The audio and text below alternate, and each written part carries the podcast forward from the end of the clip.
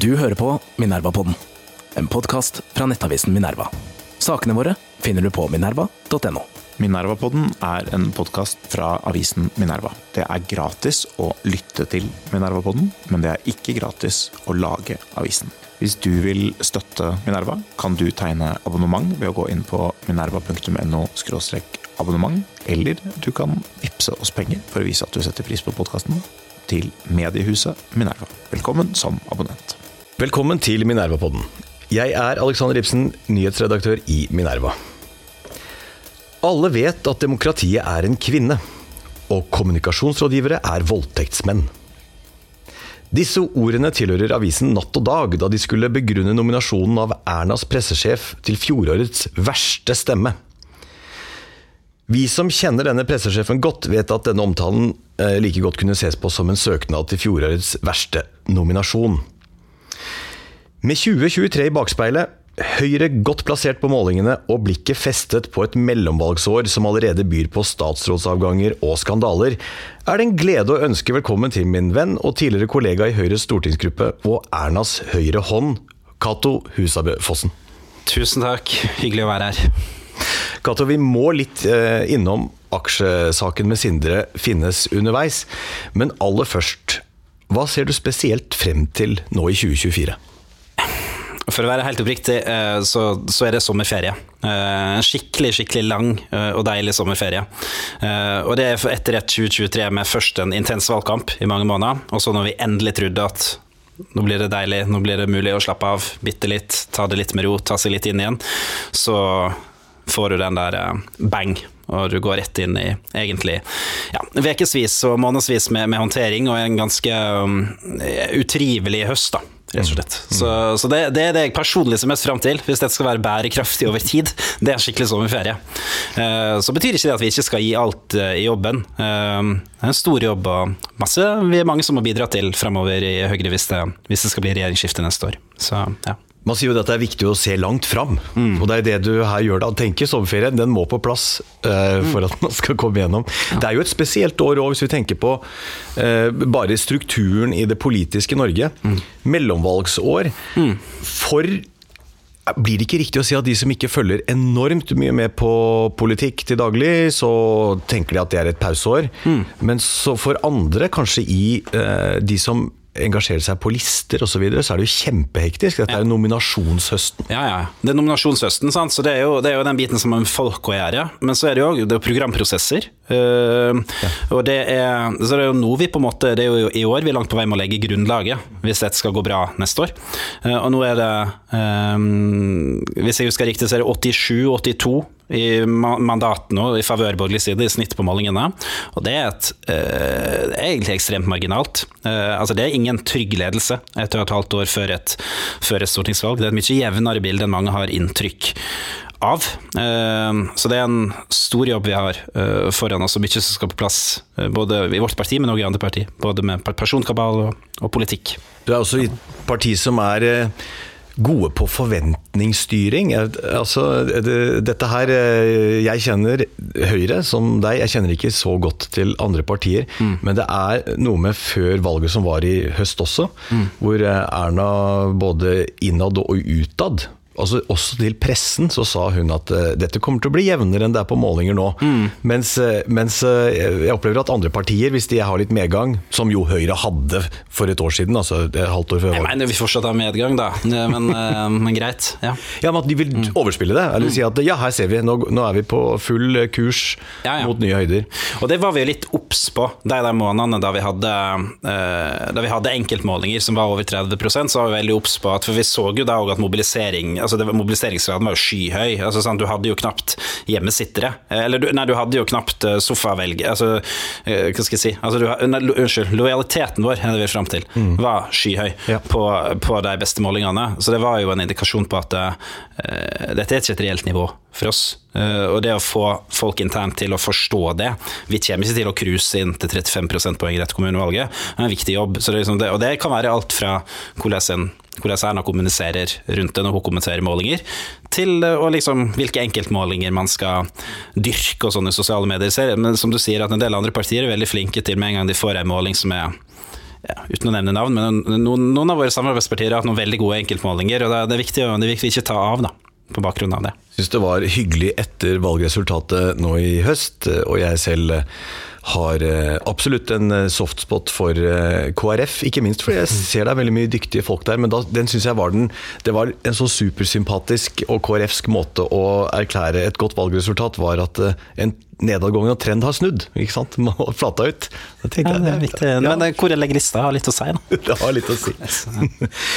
Men for å forklare bare det, altså, når man er fullmobilisert, det man måler dette er jo bakgrunnstallene på meningsmålinger, så er det hvor mange har stemt på Høyre før mm. og sier at de skal gjøre det igjen. Og hvis Det tall, altså det skjer jo ikke, men hvis det var 100% da er det, da. Ja, da er det ingen gamle velgere å hente lenger. Nei. Og da sier man man er fullmobilisert, eh, eller i praksis at dette er et urealistisk høyt nivå. Ja. Ja. Eh, og, det, og, det, var det viktig å på en måte lage, etablere en forståelse for internt, sånn at uh, en ikke endte opp med at når vi fikk et valgresultat på 25,9, som tross alt er en massiv framgang fra både forrige stortingsvalg og forrige kommunevalg, at det da ikke blir en nedtur. Um, og så vil jeg jo si at vi har fått et ja, det er et godt valgresultat, men det forhandlingsresultatet vi har fått i etterkant av det, i, ute i landet nå, med 107 ordførere. Ja. 66% av befolkninga bor i en høyrestyrt kommune. Det er all time high. Vi har hatt litt flere ordførere en gang før, men da var det òg flere kommuner. Ja. Så, det, så det er all time high på hvor stor andel som bor i en høyrestyrt kommune. Og det, og det, gir oss et det gir oss et grunnlag for jobben vi skal gjøre framover, som er helt, helt ny for Høyre, eller nok vi har ikke vært i nærheten av på mange år. Vi har et bakkemannskap der ute som plutselig er i nærheten av å kunne konkurrere med Arbeiderpartiet og Senterpartiet sitt. Du jobber jo på Stortinget. Eh, Høyres stortingsgruppe, et mektig organ i Høyre. Nå som Høyre har fått hovedstaden igjen, mm. og etter mange år hvor man ikke hadde hovedstaden, mm. merker dere det, også på også kommunikasjonssiden, at nå er det et bein til å stå på? Ja, nå er det tidlig, da. Uh, det, men, men, uh, men, ja, vi merker litt allerede. Og vi har forventninger til at vi skal merke det enda mer. Det gir oss flere, eh, det gir oss flere avsendere av politikken vår, av budskapet vårt der ute. Det husker jeg nå fra, liksom de, altså fra den tida Høyre hadde byrådet i Oslo fram til 2015, at det, det var jo Noen av Oslo-politikerne til Høyre var jo blant Høyre sine mest profilerte politikere Mm. i alt, altså i, i stort. Uh, og det, det, bør jo være en ambisjon å komme dit igjen. altså Som, som lokalpolitiker i Oslo med makt, altså i byrådet så har en en mulighet til å bygge nasjonal plattform, eller til å bygge nasjonal profil, i, i, langt større grad enn i de andre byene. og Det, det er jo fordi det her riksmedia, altså det er store redaksjonene helt til. Og det må vi jo benytte oss av. Ja, og Du sier det har gått kort tid, så det, ting, det gjenstår jo å se litt hvordan det spiller seg og utvikler seg. Eh, tidligere har vi hatt Fabian Stang i Oslo. Mm. Eh, det har også vært andre interessante profiler, sånn som eh, Herman Friele, selvfølgelig, mm. i Bergen. Trude Drevland. Trude Drevland, ikke mm. minst. Og, og Marvin Wiseth i Trondheim. Mm. Du, du, trenger ikke å du, Jeg regner med at du er enig, men eh, mm. jeg, jeg, er litt nysgjerrig på Jeg, jeg har interessert å se hvordan uh, den nye Ranheim i uh, Trondheim ja, ja. utvikles. Ja. Han er jo en veldig kul profil, ja, eh, som kanskje først og fremst er kjent for veldig mange andre ting enn politikk. Mm. Så er det sånn ny som heltidspolitiker, men han, han, er en, han, er en, utrolig fin fyr. Uh, med en litt, litt annen bakgrunn enn en de fleste politikere har. Og det, det tenker vi, vi trenger han er jo liksom, for de som ikke vet det, han er jo forretningsadvokat, men også, har også vært revy, revyartist i mange år. Så han er kjent for å parodiere Nils Arne Eggen. Så han, han kan jo, jo synge òg. Kan synge og er vant til å stå på en scene. Det har vi jo sett i interne forum. Så det, han har absolutt, absolutt potensial til å bli en kjent profil. Når, når, nå målet er å mobilisere uh, Høyre videre for mm. dere, og det er det halvannet året, et, eh, et viktig halvannet år. Eh, SSB har eh, helt nylig nå sluppet sin foreløpige valganalyse. Og denne studeres jo hos dere og hos alle andre partiene. Mm. Og så kommer den enda lenger igjen. Men jeg tror jo det meste er vel rapportert hvis man ser på tabellene til slutt mm. i denne analysen. Og her bekreftes det jo eh, noe vi allerede så under skolevalget mm. eh, i høst. Og det er at Frp og Høyre gjør det kanonbra ja. hos yngre velgere. Og at dette i særlig grad er drevet av unge gutter, altså menn. Mm. Unge menn. Um, merker dere rushet av unge konservative menn med unge konservative mannlige meninger? Ja, eh, altså vi, vi, vi, er jo, vi, er jo, det. Eh, altså vi merker at det er flere unge som engasjerer seg i, altså i typiske konservative saker. Skatt, økonomisk bærekraft, innvandring, ikke minst. Eh, og så tror jeg det er litt viktig at vi Det, det er en overvekt menn, men det, men det, er litt underspilt at det er jo ikke bare menn. Eh, og vi bør i hvert fall slutte å omtale gruppa som unge, sinte menn, som noen liker å gjøre. For jeg tror de fleste av dem er ganske trivelige folk, egentlig. Det er ingen gruppe noen vil ha. Nei, det Altså, Unge, sinte menn, det lover alltid dårlig. Ja, det er jeg enig i. Eh, men det som er litt sånn underspilt, og som jeg faktisk ikke fikk med meg før for noen dager siden, det er at vi òg Høyre ble òg største parti blant jenter i skolevalget ja. i høst. Uh, så det er, det er liksom må vi bare huske på. Det er ikke bare en guttegreie.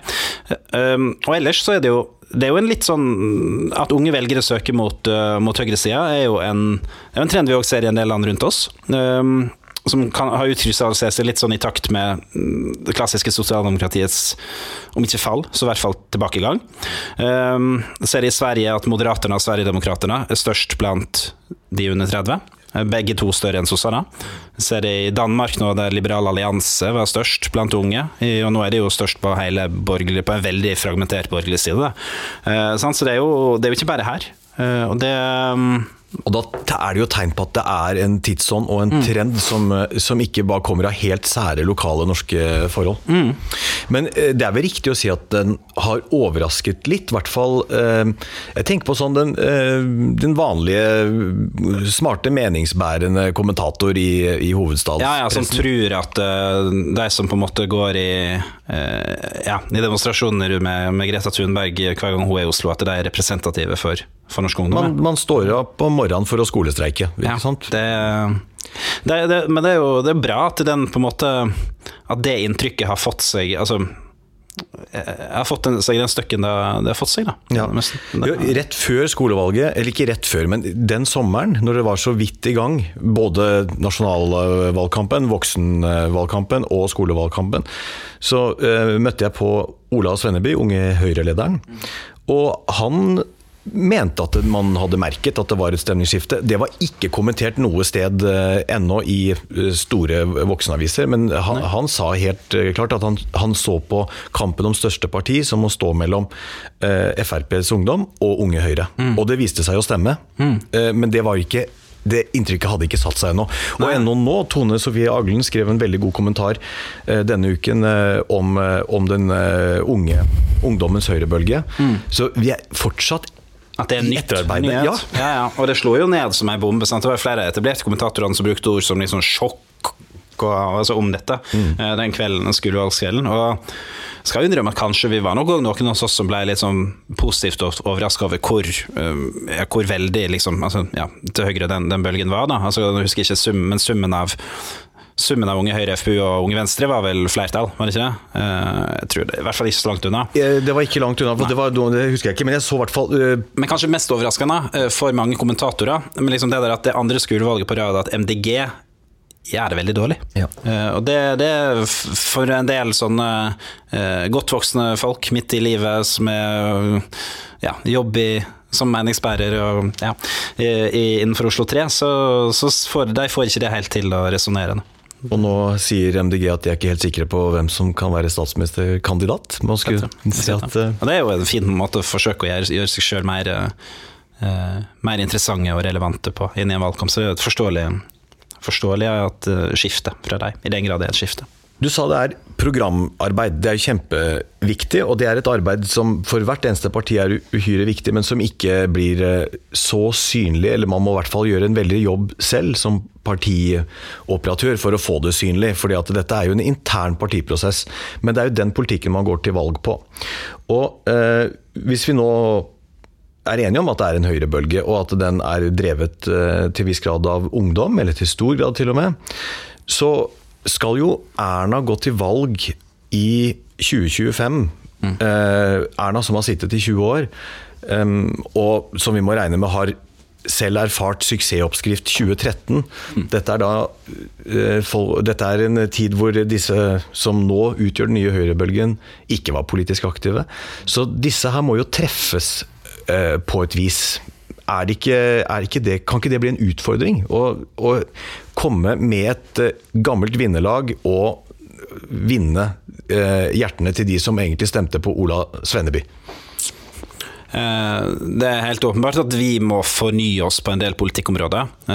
Og så er jo Høyre blitt, da, under Erna Solberg, et bredt folkeparti. Og da må vi altså, Da vil det jo alltid være viktig å snakke til, til flest mulig velgere på en måte som de forstår, uh, om problem de er opptatt av, og saker som de opplever som relevante i, i, i sitt liv og sin hverdag. Uh, og Det vil jo òg gjelde, gjelde, denne gruppa på samme måte som, um, som andre grupper, grupper. Og nå er jo yngre velgere blant de som er mest utsatt kanskje for den økte renta som vi ser nå. Uh, en del unge, men på ingen måte alle. Skal ikke overdrive det heller. Er mm, bekymra for ytringsfriheten til en viss grad. Opplever at rommet for hva som er greit å si og mene, er snevra inn. Eh, det må vi selvfølgelig ta på alvor. Det har jo både Ola og, og Simen i FPU vært, vært, flinke til. Så, og, det, og, det, er noen verdidebatter uh, som går, uh, kanskje særlig knytta til uh, ja, innvandring et eksempel der òg, egentlig. Sant? og så tror jeg at mange av disse områdene er jo områder som Høyre òg hadde gode svar på før før 2013. Eh, litt pakka inn på en annen måte, kanskje, men, men mennesker ikke milliarder, som vi snakka litt om før vi begynte innspillinga. Det er jo ikke sånn at det ikke er relevant for den, mm. de som er unge i dag, eller for de nye generasjonene som kommer til nå. De som er unge i dag, trenger òg politikere som er opptatt av å legge til rette for at de skal få seg utdanning, få seg jobb, få muligheten til egen sin egen bolig.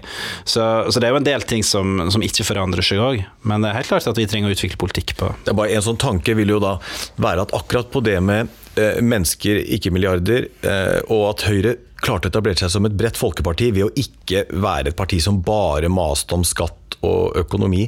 Men det er jo også i en tid hvor Norge hadde det veldig bra økonomisk. Ja. Eh, hvis vi nå går inn i en tid hvor eh, du har kjempevansker med å komme, seg, komme deg inn på boligmarkedet, og, eh, og, du egentlig føler deg flådd eh, i alle kanter, så da vil jo økonomi bli et viktig spørsmål for, eh, for vanlige folk. Ja.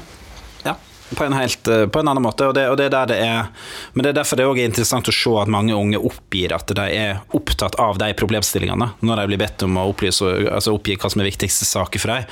At det er bevissthet rundt det. For det er, jo en kjensgjerning at det er noen generasjoner som ikke har vært nødt til å prioritere på den måten som vi sannsynligvis blir nødt til å prioritere fremover. Vi står midt i en ny type politiske skandaler. Altså Disse skandalene har jo endret eh, karakter. Noen ganger er det pendlerbolig og reiseregninger, og nå er vi over i kapitlet plagiering. Ja. Faglig fusk. Som en kollega, kollega sier, at vettingskjemaet på SMK blir stadig lengre. Uh, det, um... Sandra Borch gikk av, og helseminister Ingvild Kjerkol venter på at Nord universitet skal gjennomgå masteroppgaven hennes igjen. Kunne kriser som dette, og tidligere kriser, vært løst med bedre kommunikasjon? Eller er det noen kriser som bare er kriser, uansett hva man gjør? Jeg tror noen kriser er kriser uansett hva du gjør. Som jeg, har jo nær bekjentskap med en sak vi, vi sjøl sleit med stor del av høsten, eh, som jeg tror ville være vanskelig. Men jeg vil jo berømme Sandra Borch for veldig uh, Altså, Støre har jo sjøl skrytt av at han håndterer disse sakene resolutt. Jeg syns Sandra Borch skal ha at hun håndterte sin egen sak veldig resolutt på fredag. Hun viste det var resolutt der, ja. Absolutt. Mm. Uh, og så Ingvild Kjerkol nå, med litt sånn ny forklaring hver kveld, og så stadig nye drypp, og så skal du ha dette gående i noen uker. Det Jeg så at i går så sendte hun ut noe at um, hva det var, at Nå var hun ferdig med å svare på spørsmål om denne saken. at det det har vi jo prøvd. det pleier å gå sånn. For du har jo en viss erfaring, og det er det vi må innom. Dette er også grunnen til at Natt og Dag, som jeg siterte innledningsvis, skulle ha skalpen din. Og at du og Erna ble årets navn under presselosjens uh, julebord. Jeg gratulerer, forresten. Tusen takk. Det var hyggelig. Ja, det var fint. Og det er, uh, og det, var, og det er jo mange om uh, konkurransen der, så det er jo mm. Du skal få slippe å forsvare alle mulige sider ved aksjesaken, la oss kalle det det, og så får folk bli sure for at jeg kaller det for aksjesaken. Og kontrollkomiteen gjennomgår fremdeles enkelte svar.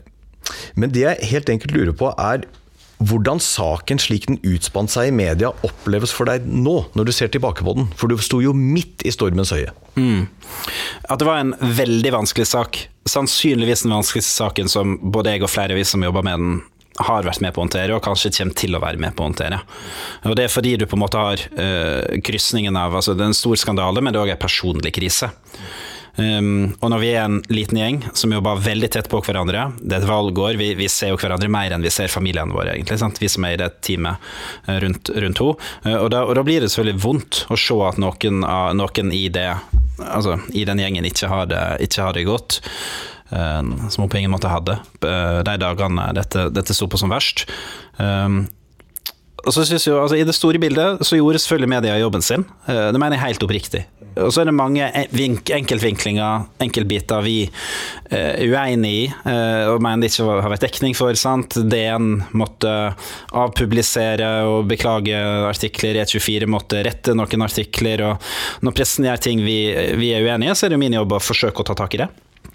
Vi har ulike interesser, og noen ganger så lykkes vi med det, og andre ganger så vinner vi ikke, ikke fram. Og det går jo kule varmt, så det kjente jeg jo litt på i høst, at liksom, dette var med på Det var liksom mer enn på noe annet tidspunkt etter at jeg gjorde det skiftet fra journalistikk til politikk på noen år siden, så sto en på en måte midt i en sånn kryssild der det var øh, virkelig temperatur, da.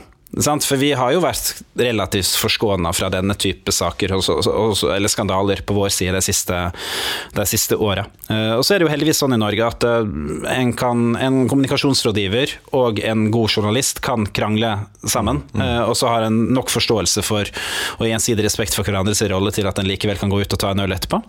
Og det er og det syns jeg er veldig fint. Altså, men én ting jeg har lyst til en ting som jeg har tenkt på um, og som er litt sånn for Vi bør jo forsøke å lære etter sånne saker, både vi som er på vår side, men òg media. Um, og Noe av det som irriterte meg mest i høst, det var sånn der at uh, for det som har skjedd nå, mediehverdagen er blitt så hektisk at um, det skjer at mediene av og til siterer hverandre sine push-varsler så raskt at de umulig kan ha rukket å lese saka de faktisk siterer.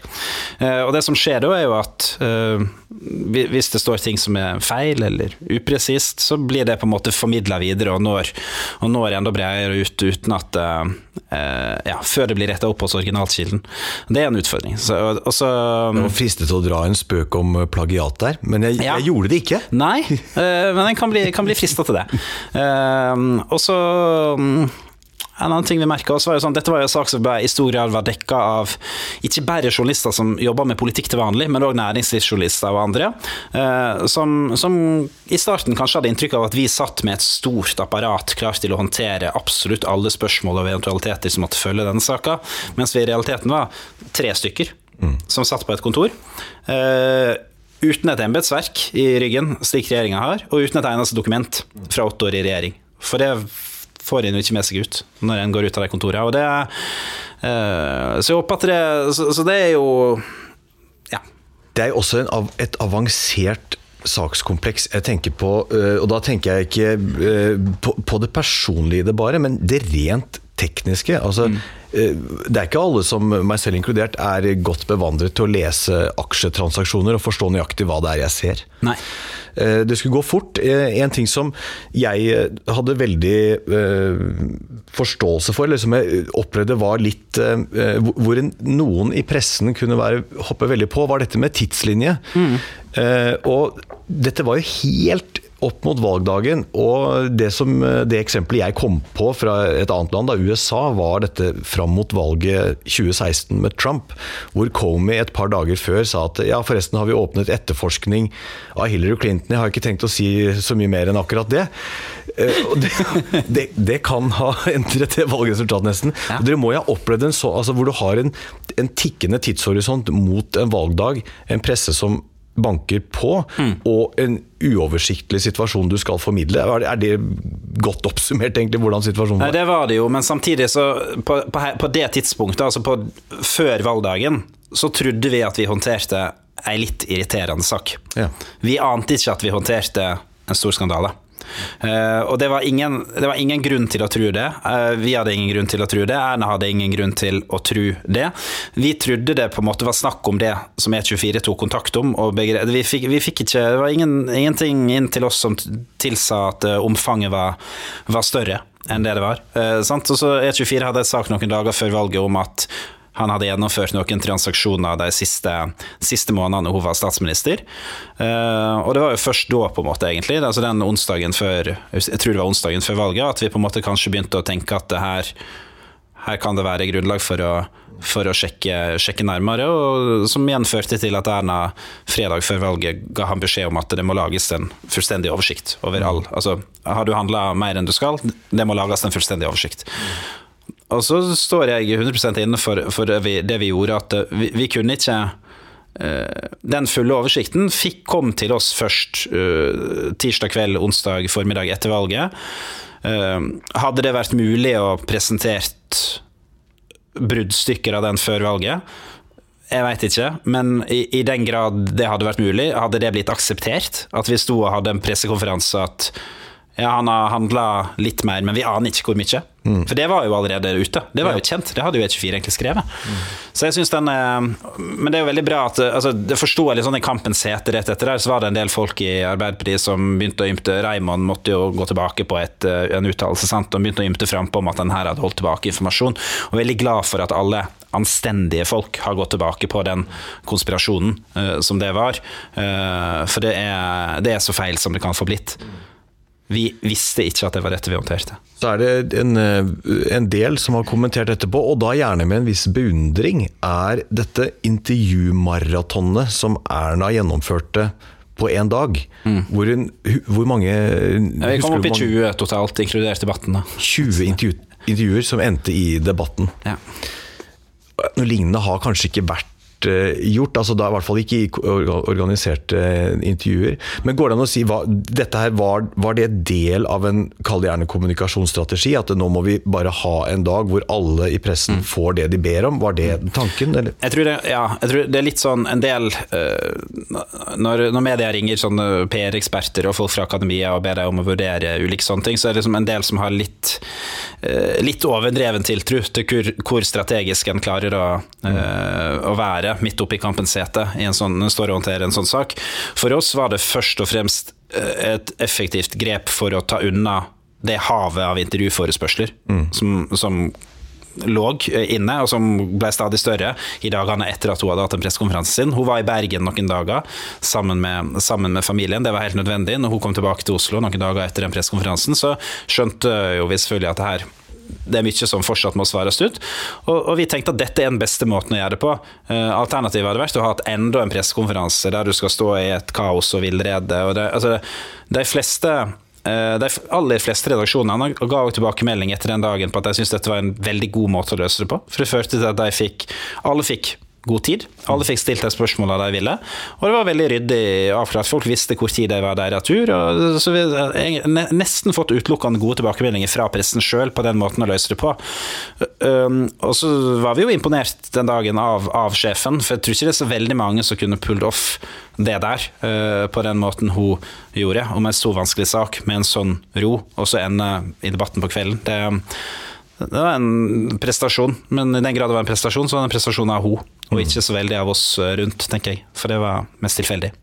Har du eh, siden eh, denne eh, høsten, og nå er vi da du er tilbake igjen og håndterer pressearbeidet eh, mer kaldordinært. Vanlig hverdag. Vanlig hverdag. Ja.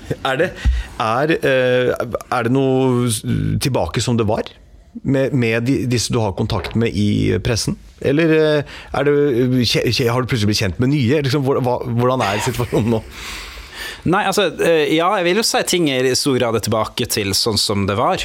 Eh, det, det, vil, jeg, det vil jeg jo si. Uh, og så er det klart at uh, en del har altså Det som jeg var litt innom i stad, at uh, den saka her så har en kanskje meg i større grad enn på noe tidligere tidspunkt, i hvert fall for, for min del som i denne rolla, at, at, ting ble at de, noen av de relasjonene ble satt litt på spissen i, i høst, fordi en sto 70 grader på hver, på hver sin side og hadde ulike interesser. Men, men jeg oppfatter at det med, Så lenge en er profesjonell på begge sider, så går det fint. En forstår, har forståelse for den rolla den andre har, og så, og så går vi videre med livet. og den kommer jo heldigvis, uh, heldigvis alltid en ny skandale. Uh, og så er vi jo veldig klar over at vi er ikke ferdig med den saka vi har holdt på med i høst. Uh, kontrollkomiteen skal si sitt om noen uker. det blir en ny runde. Det gjør det. Og, så, og, og, bare for å ha sagt det, hvis det ble mye sånn mediekritikk Jeg husker ikke, men det er veldig opptatt av det jeg har lyst til å si. Hvis jeg glemte det, at jeg mener at pressen har gjort jobben sin med aksjesaken. Det har jeg. Altså det hatten av for uh, sommervikarene i E24 som jobba fram det. Altså. Du sa du selv aldri hadde jobbet med en så stor sak og så Mm. tung sak. Det gjelder også i pressen før, regner jeg med. Du hadde mange år i NRK, Mm. VG. Mm. det gjelder der også. Du har ikke vært med på en lignende er- det, er- jeg har ikke lyst, det har jeg ikke lyst til å liksom klassifisere, men det har jo vært, det har jo vært større skandaler som altså, Eller det har jo vært store skandalesaker før òg, altså knytta til uh, En har jo jobba med altså, nyhetssaker som kanskje isolert sett har vært større altså, av det, altså, på andre felt, men, men, uh, men ingen tvil om at det er en stor sak. Uh, Men å liksom begynne å arrangere politiske skandaler, altså, det får, det får han gjøre, han uh, Hammerstad, han som har skrevet, uh, skrevet bok om politiske skandaler. Og, og Støre Ja, gjør det. Støre, han- Støre har, han må jo ha noen slags rangeringer etter hvert, både på, både på habilitet og på, og på master. Cato, jeg kjenner deg som en drivende dyktig og effektiv kollega også, eh, fra tidligere. I like måte. Takk tilbake. Og det du jobber med, er jo selvfølgelig kommunikasjon. Altså ikke politikkutvikling som sådan. Men er det et snoret skille, egentlig, nå som du har lang erfaring med dette? Går det an å si at det er et, et snoret skille? Kan man skille kategorisk mellom politikkens innhold og budskap? Nei, det kan han ikke. Og jeg tror eh, En av de som hadde denne jobben her før meg, Sigbjørn Aanes, har jo sagt noen ganger at han så på seg selv først og fremst som en politiker, som òg drev med kommunikasjon. Eh, og jeg tror det er ganske riktig. Um, og, det, og det prøver vi å veldig, sånn, være veldig tydelige på liksom, hver gang vi ansetter nye folk til å jobbe med kommunikasjon i Høyre, f.eks., at dette er ikke et PR-byrå. Dette er ikke et kommunikasjonsbyrå. Dette er et politisk parti. Alle vi som jobber med kommunikasjon i Høyre, jobber primært med politikk. Og så har vi spesialisert oss på kommunikasjon. Eh, men jeg tror det er helt avgjørende at hvis du skal lykkes og trives i en sånn jobb, så må du, så må du ha ekte interesse og engasjement for det du skal kommunisere. Det er Ja, noe annet bærer ikke. Nei. jeg. Og, men du har jo ofte en sånn situasjon etter eh, et dårlig valgresultat, så vil eh, ofte partiet si, og dette tror jeg er blitt en sånn tom frase, mer enn noe credo egentlig, men at eh, vi nådde ikke fram med budskapet vårt. Ja, ja. Jeg tenker alltid kanskje det var nettopp det dere gjorde. Kanskje det var nettopp det en gjorde. Og det, og det tror jeg har blitt en sånn Det, det tror jeg har helt rett i, at det har blitt en sånn unnskyldning. Uh, så er det sånn, Arbeiderpartiet nå òg, det forklarer stadig vekk liksom, meningsmålingene med, med at det liksom, nei, vi, vi sliter med å nå ut med budskapet vårt, og overbevise velgerne. Altså, det, det er noe med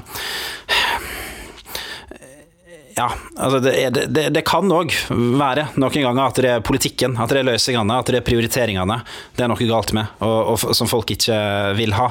Og ikke bare kommunikasjonen eller omstendighetene. Sånn som nå, det siste nå er at det, at det styrer i en veldig vanskelig tid. Det er det jo andre som har gjort òg. Ja, det, så det, ja. det har mange andre gjort også. Eh, Vi nærmer oss slutten, Cato, men eh, ser du på makta? Ja. Og, ja, det er veldig gøy. Og for en god serie. Altså Bare som et, som et produkt. Man sitter og klipper seg litt i armen over at dette er et sånt norsk, eh, en Ja, ja. norsk produksjon som kommer fra ingenting. Men så ble det veldig bra også nå når, eh, i den nest siste episoden når Einar Førde og omsider, at jeg omsider fant frem dialekta. Ja, og den har du selvfølgelig savnet. Ja, veldig. veldig. Det er fint. Når du har en sånn karakter, så må en klare å ja, ja. Ser ikke, men ser ikke livet i politikken før eh, kommunikasjonsrådgiverne veldig kaotisk ut, egentlig?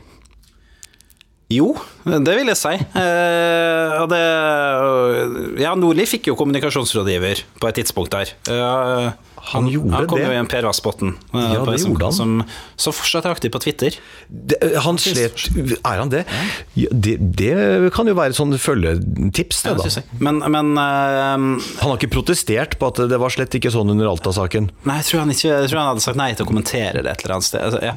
Men det er uh, Jo, det ser veldig kaotisk ut. Uh, og så ser det jo veldig forfylla ut. Ja. Eh, og en har jo hørt alle disse sånn som jeg sa, altså, Når jeg holdt på å være journalistikken, ja, så hørte en jo alle disse historiene fra de gamle, gamle gutta og fra folk som har vært med lenge, sant, om, og alt var så mye bedre før når vi hadde Tostrup-Kjellin og uh, en sov på, i en korridor på Stortinget et par timer fram til neste morgenmøte. Altså det, det er jo så den har jo vært gjennom et eh, Jeg tror både, både journalistikken og politikken har jo vært gjennom en slags profesjonalisering. Det er det jo ingen tvil om. Eh, og når en ser på eh, eh, når en ser på liksom Jeg vet ikke Det er selvfølgelig når serien hva de skriver basert på sannhet, løgn og dårlig hukommelse, så det er, jo, det er jo et karikert bilde, selvfølgelig. Men når en ser på hva en del eh, Jeg tenkte særlig på liksom, Når en ser den gode journalistikken som har blitt drevet da, på noen av disse skandalesakene i politikken de siste åra. Hvis du har det på den ene sida, så har du tilstandene i makta på den andre sida, der en, uh, folk løper rundt og, i media og beskytter, beskytter sine uh, politikere. Så tror jeg, tror jeg kanskje den profesjonaliseringa for det meste har vært for det beste. Man kan forstå hvor den dårlige hukommelsen kommer fra, i hvert fall. Eh, tre kjappe helt til slutt. Da skal vi til arkivet. Og her, Cato, vil jeg ha din kommunikasjonsfaglige vurdering. Okay. Dette er alle tre eh, tidligere slagord for Høyre. Eh, spørsmålet blir om da dette er et godt slagord. Mm. Et fra stortingsvalget helt tilbake i 1936. Ja. Skummel tid. Skummel tid. Og det hører man kanskje i slagord òg, for det er 'Stem diktaturpartiene ned, stem med Høyre'. Ja, tydelig konflikt, da. Uh, sant? Det har jo En del slagord har jo En del av de slagordene vi har hatt i nyere tid, har jo kanskje vært litt sånn mer ja, veldig forsøkt å favne veldig bredt, og ikke nødvendigvis ha så veld, alltid så mye konflikt i seg. Uh, så det er jo det er tydelig. Tydelig og godt. Tydelig. Uh, og det, jeg tenker at det er jo, det er jo lett, å, lett å være enig i det. Altså, du kan tenke at det er en svunnen tid, men det, vel, det blir kanskje riktig å si det, at 30-tallets slagord de lever fortsatt litt i beste velgående i kommentarfelt og sånt? Ja, det, det, ja.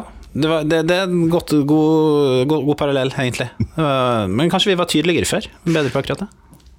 Litt nyere tid nå, og nå føler jeg vi er veldig inne i sånn uh, ironigenerasjonen. Uh, stol på høyre. Ja. Og her må, må, vi minne om at den ledsages da av en stor blå stol som rekvisitt. Ja, for dette var det året da han reiste rundt og satt, plasserte ut blå stoler Ja. i hele landet. 2005. At folk våkna opp med en blå stol utenfor døra. Ja, det, Og det er et ordspill. Det, du, som kommunikasjonsmann så hørte du at det er et ordspill der. jeg mistenkte det. Og så tror jeg at det, det, men dette må ha vært eh, før vi på en måte Dette var den tida da vi fortsatt hadde veldig mye penger å bruke på profilartikler, før sosiale medier kom og overtok valgkampbudsjettet. Ja, så klart. Eh, Men det er jo eh, Det er jo catchy, da. Catchy. Jeg liker det. Dette var, var, det, var det i 2005, eller? Ja, fem. Fem. For det er typisk altså det, det er slagord som er enklere når du, når du styrer, da. Da, da styrte jo både landet og byen. Uh, og det, Da kan man stole på Høyre. ligger Ja, ja, men det er litt sånn eh, ja, men det er litt sånn litt kreativt. Det er òg litt sånn ja, hva, går vi til valg på i år? Nei, det er styringsdy styringsdyktighet. Så det er eh, litt Ja. Vi får ta helt til slutt, eh, av nyere dato, Vi tror på Norge. Det er fint. Det er fint. Det syns jeg er vakkert. Musikk det. Det er veldig Er ikke du enig? Jo, det er veldig fint. Jeg bare lurte på et øyeblikk om du foretrakk Noreg på den? Nei, nei, jeg har aldri vært av, av de mest, eh, mest hard... Altså, jeg, det er jo lov å skrive begge deler på nynorsk, og jeg skriver Norge. Jeg syns det er fint, jeg. Men det um, Nei, jeg, jeg er veldig svak for det. Vi tror på Norge. Det, det kjente jeg sånn på slutten av en lang valgkamp, når kroppen er litt uh, marinert i flere ting, så kan den bli, kan en bli rørt av mindre. Det, det Cato Husarbe Fossen fra Høyre. Tusen takk for at du kom til Minerva-podden. er veldig kjekt å være her.